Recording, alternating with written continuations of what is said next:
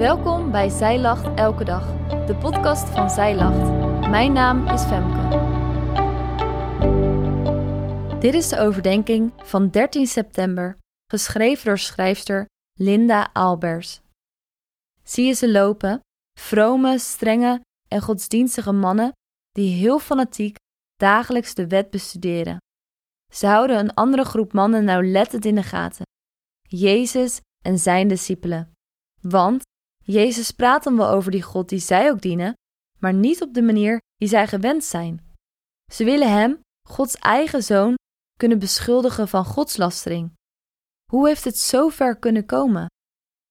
Marcus 7, vers 2 zegt: En toen zij zagen dat sommige van zijn discipelen met onreine, dat is met ongewassen handen, brood aten, berispen zij hen. Het volledige Bijbelgedeelte voor vandaag is Marcus 7, vers 1 tot 37. In Marcus 7 staat beschreven dat de Fariseërs zien dat de discipelen hun handen niet wassen voor het eten. Dit gaat regelrecht in tegen de Joodse wet over reinheid. Rein staat voor zuiver en onrein voor onzuiver. Je moet bijvoorbeeld gewassen zijn voordat je gaat eten. Deze wetten zijn door Mozes in opdracht van God opgesteld.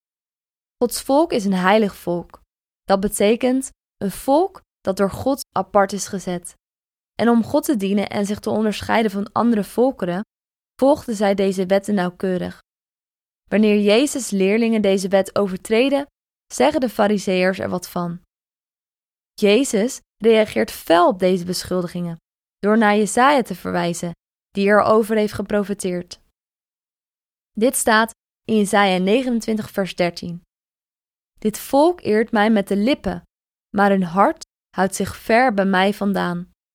Maar te vergeefs eren zij mij door leerlingen te onderwijzen, die geboden van mensen zijn. Waarom reageert Jezus zo fel op deze nauwgezette schriftgeleerden? De Fariseërs zijn zo fanatiek in het naleven van de wet dat ze zijn gaan geloven dat het navolgen hen tot goede mensen maakt. Dat ze Gods goedheid kunnen verdienen door zich aan de wetten te houden. Het gaat voor hen allemaal om de buitenkant. Maar Jezus spreekt hier dwars doorheen. Hij kijkt naar het hart en noemt de Fariseërs zelfs witgekalkte graven, mooi van buiten, maar van binnen is er niks dan slechtheid. Want uiteindelijk vinden ze hun eigen eer belangrijker dan die van een ander.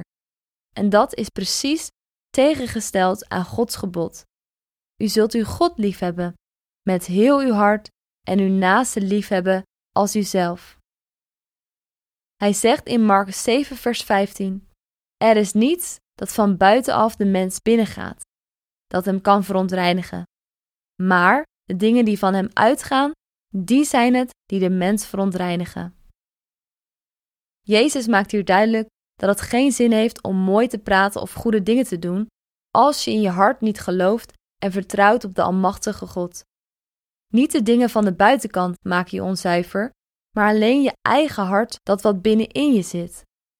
Jezus noemt in Marcus 7, vers 21 en 22 allerlei slechte dingen die uit je hart kunnen komen.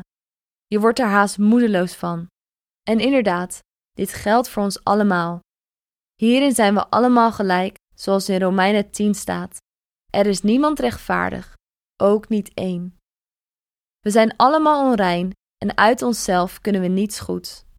Als het om het hart gaat, hebben alle mensen een onzuiver hart dat alleen gezuiverd kan worden door het bloed van een volmaakt lam. God maakt geen onderscheid tussen mensen door naar de buitenkant te kijken. Hij kijkt naar het hart. Hij kijkt of het een hart is dat gelooft dat Jezus zijn of haar zaligmaker is. Dit maakt God later nog een keer duidelijk aan Petrus, als hij het visioen krijgt met het laken. Petrus ziet alle dieren in het laken en God moedigt hem aan om alle dieren te eten. Petrus weigert omdat er onreine dieren bij zitten, maar God zegt: Wat God gereinigd heeft, mag u niet voor onheilig houden. Het gaat om wat God aan de binnenkant ziet. Jezus leert ons in Marcus 7 dus al dat het om de harten van de mensen gaat, om hoe je binnenkant eruit ziet.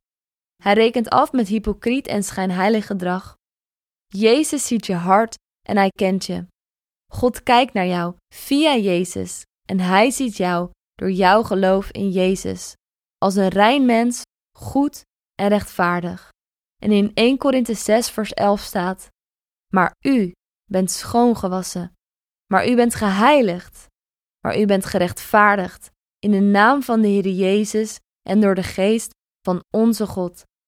Dank u, Allemachtige en liefdevolle Vader, voor uw oneindige genade voor mij.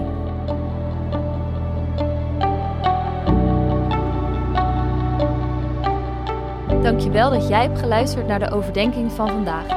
Wil je de overdenking nalezen? Check dan onze website.